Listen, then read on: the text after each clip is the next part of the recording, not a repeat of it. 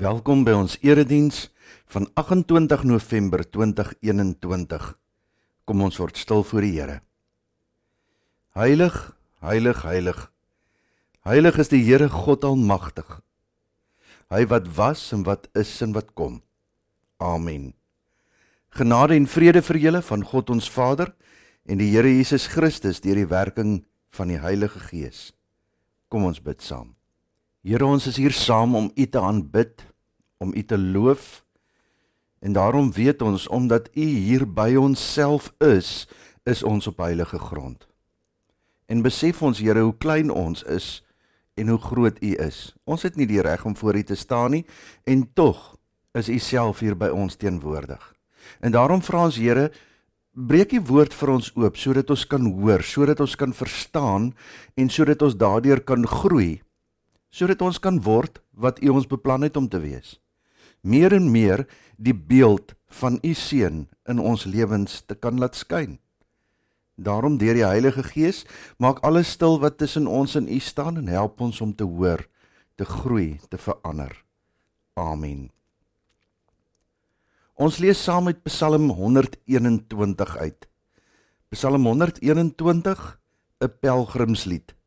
'n Pelgrimslied is 'n lied wat hulle gesing het voordat hulle op reis moes gaan.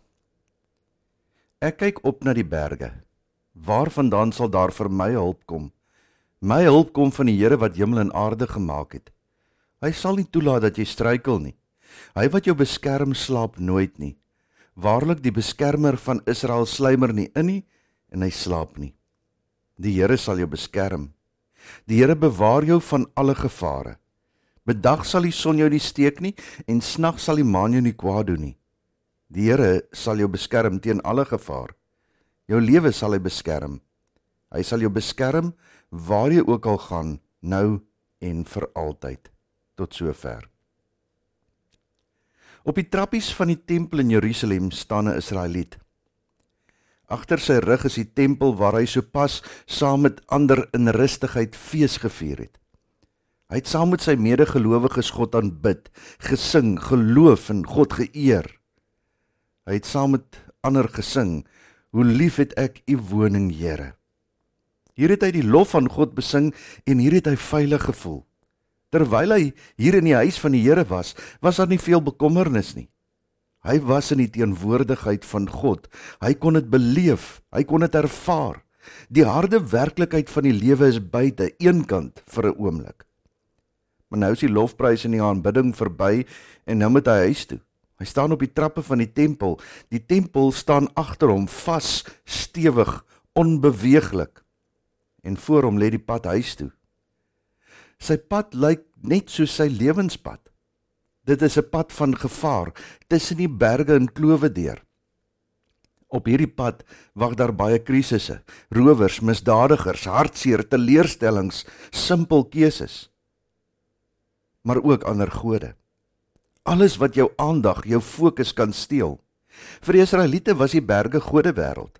Elke hoogte het sy heilige klipstapel gehad, elke vallei sy offerplek. Om elke draai was daar iets anders wat jou kon laat seer kry.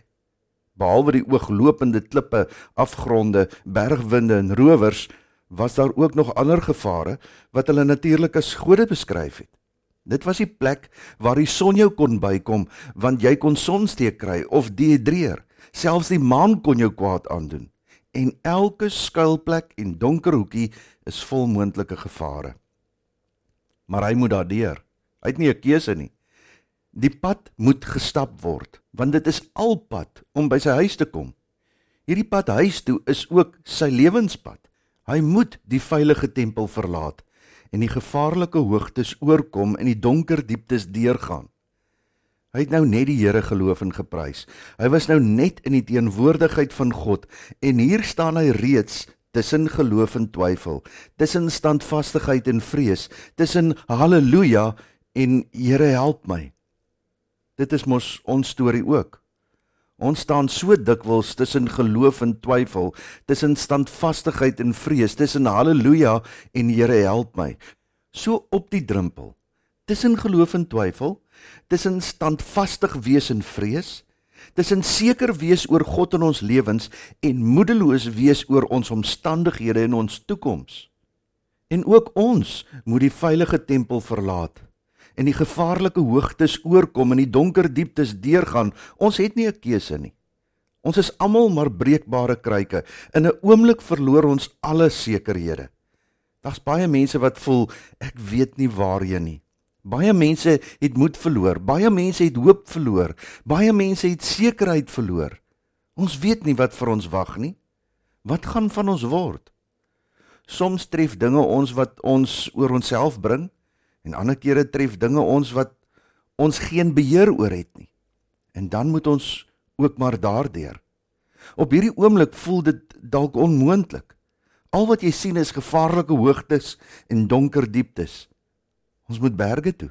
Ons het nie 'n keuse nie. Die stiltes moet ons uit, die donker klowe moet ons deur want die lewe gaan aan.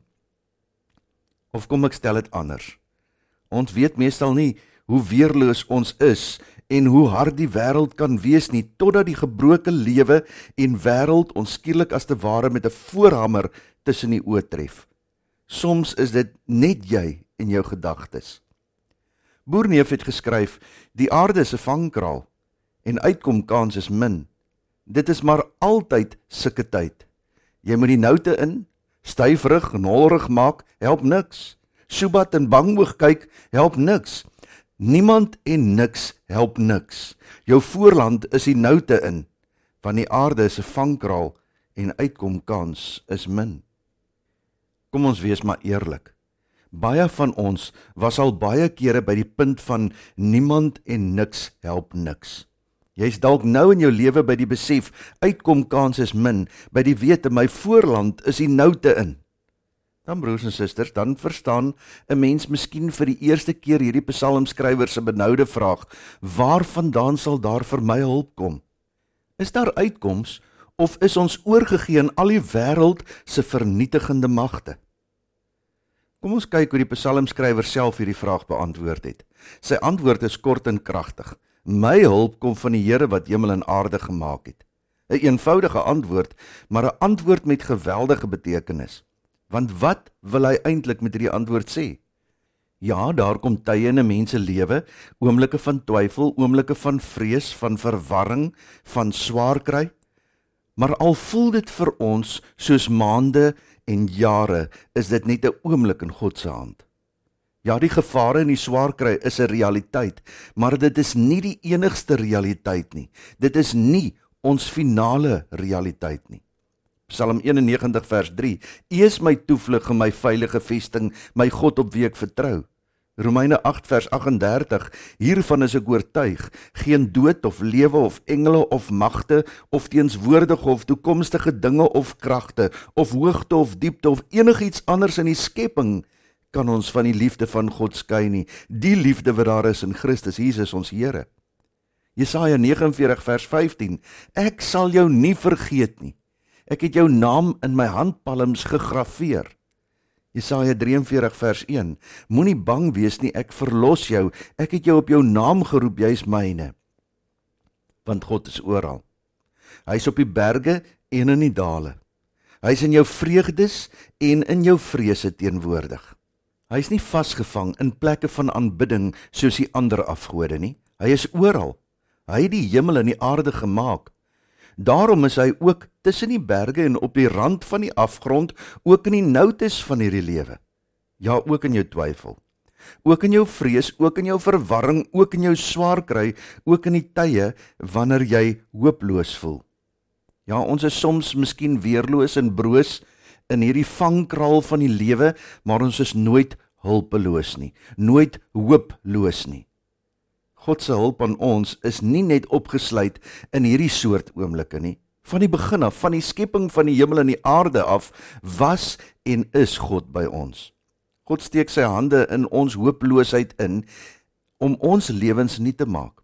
Want sê Psalm 121, die aarde en alles daarop, die hele wêreld en almal wat daarin woon, dit alles behoort aan die Here.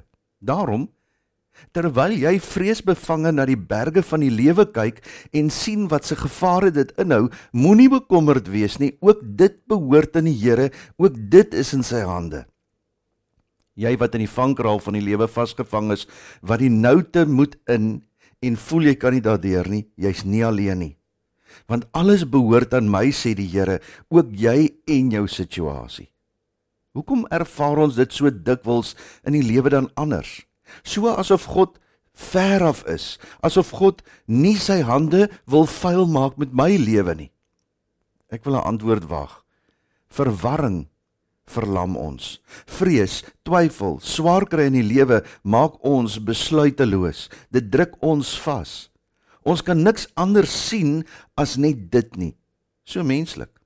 So word ek en my probleem alles. Dis al wat ek sien, net die berge. Met die gevolg ons vergeet dan wie die aarde en ons behoort. Soms dink ons dat hierdie wêreld aan hulle behoort, wat die hardste kan slaan en wat die vinnigste kan gryp. Die aarde is vir baie mense 'n skatkis wat geplunder moet word, eerder as om 'n vertoonvenster te wees van die heerlikheid van God. Vir my ook enige poging om jou lewe op liefde en die gee van liefde te waag, want liefde laat jou verloor. Onthou jy's in die vangkraal en in 'n vangkraal moet jy eerder slagter as skaap wees. Is dit nie hartseer dat mens vir hierdie leen geval het nie? Maar dit kan mos nie vir ons so wees nie. Dit kan tog nie hoekom nie want ons is tog God se mense mense wat dank sy ongelooflike genade in God glo en geloof maak 'n mens weerloos want dit maak jou afhanklik van God jy gee jou alles vir God en jy doen dit nie as goeie werke nie nie as prestasie vir God en mense nie. Nee jy doen dit omdat jy weet die hande wat die heelal gemaak het daardie hande hou my vas. En daardie hande sal elke dag na my gryp al word daardie hande vuil. Ja al moes daardie hande op 'n keer in die kruis deurboor word moes daardie hande op 'n keer vuil word van bloed om dit vir ons moontlik te maak God het nie die aarde gemaak en toe gaan slaap nie dit sê vers 4 vir ons baie duidelik waarlik die beskermer van Israel slymer nie in nie en hy slaap nie As ons dit wat die Psalm hier vir vir sy tyd wil sê, moes oorvertaal in ons tyd, sou ons kon sê God sit nie iewers in 'n strandhuis en blokkies raaisels invul terwyl ons so gaan sweet nie. God tree nie af nie. Ons moet rus. Ons moet gaan slaap want ons kan nie sonder rus nie. En ons kan gaan slaap want God slaap nooit nie. Die mens is weerloos wanneer hy slaap want hy weet nie van al die gevare nie. Maar ons kan maar gaan slaap want God is ons beskermer. En daarom kan ons maar waag om weerloos te wees. Ons gaan nie kerk toe om van die werklikheid van die lewe te ontsnap of te vergeet nie. Ons gaan kerk toe om God te loof en te prys omdat hy te alle tye ons God is. Ons is hier saam om haleluja's tot eer van God te sing om hier herinner te word aan die feit dat ons hulp net van die Here kom. Maar ons kan nie in die kerkgebou woon nie. Ons moet weer hier uit. Ons moet oor die drempel stap. Ons moet eenvoudig die vangkraal van die noutes in. Ons het nie 'n keuse nie. Maar ons gaan die noutes in met die vaste geloof dat ons in God se hande is, dat hy ons hulp is in ons grootste krisisse, selfs die krisisse wat nie opgelos kan word nie. Moet ons vaster en vaster klou in die hulp wat die Here vir ons gee. Dit is geloof. Ek kyk op na die berge. Waarvandaan sal daar vir my hulp kom? My hulp kom van die Here wat hemel en aarde gemaak het. Hy sal nie toelaat dat jy struikel nie. Hy wat jou beskerm slaap nooit nie. Waarlik die beskermer van Israel slymer nie in nie en hy slaap nie. Die Here beskerm jou. Die Here bewaar jou van alle gevare. Bedag sal die son jou nie steek nie en snag sal die maan jou nie kwaad doen nie. Die Here beskerm jou teen alle gevare. Jou lewe sal hy beskerm. Hy sal jou beskerm waar jy ook al gaan, nou en vir altyd. Amen. Die genade van die Here Jesus Christus, die liefde van God ons Vader en die gemeenskap van die Heilige Gees sal met julle almal wees.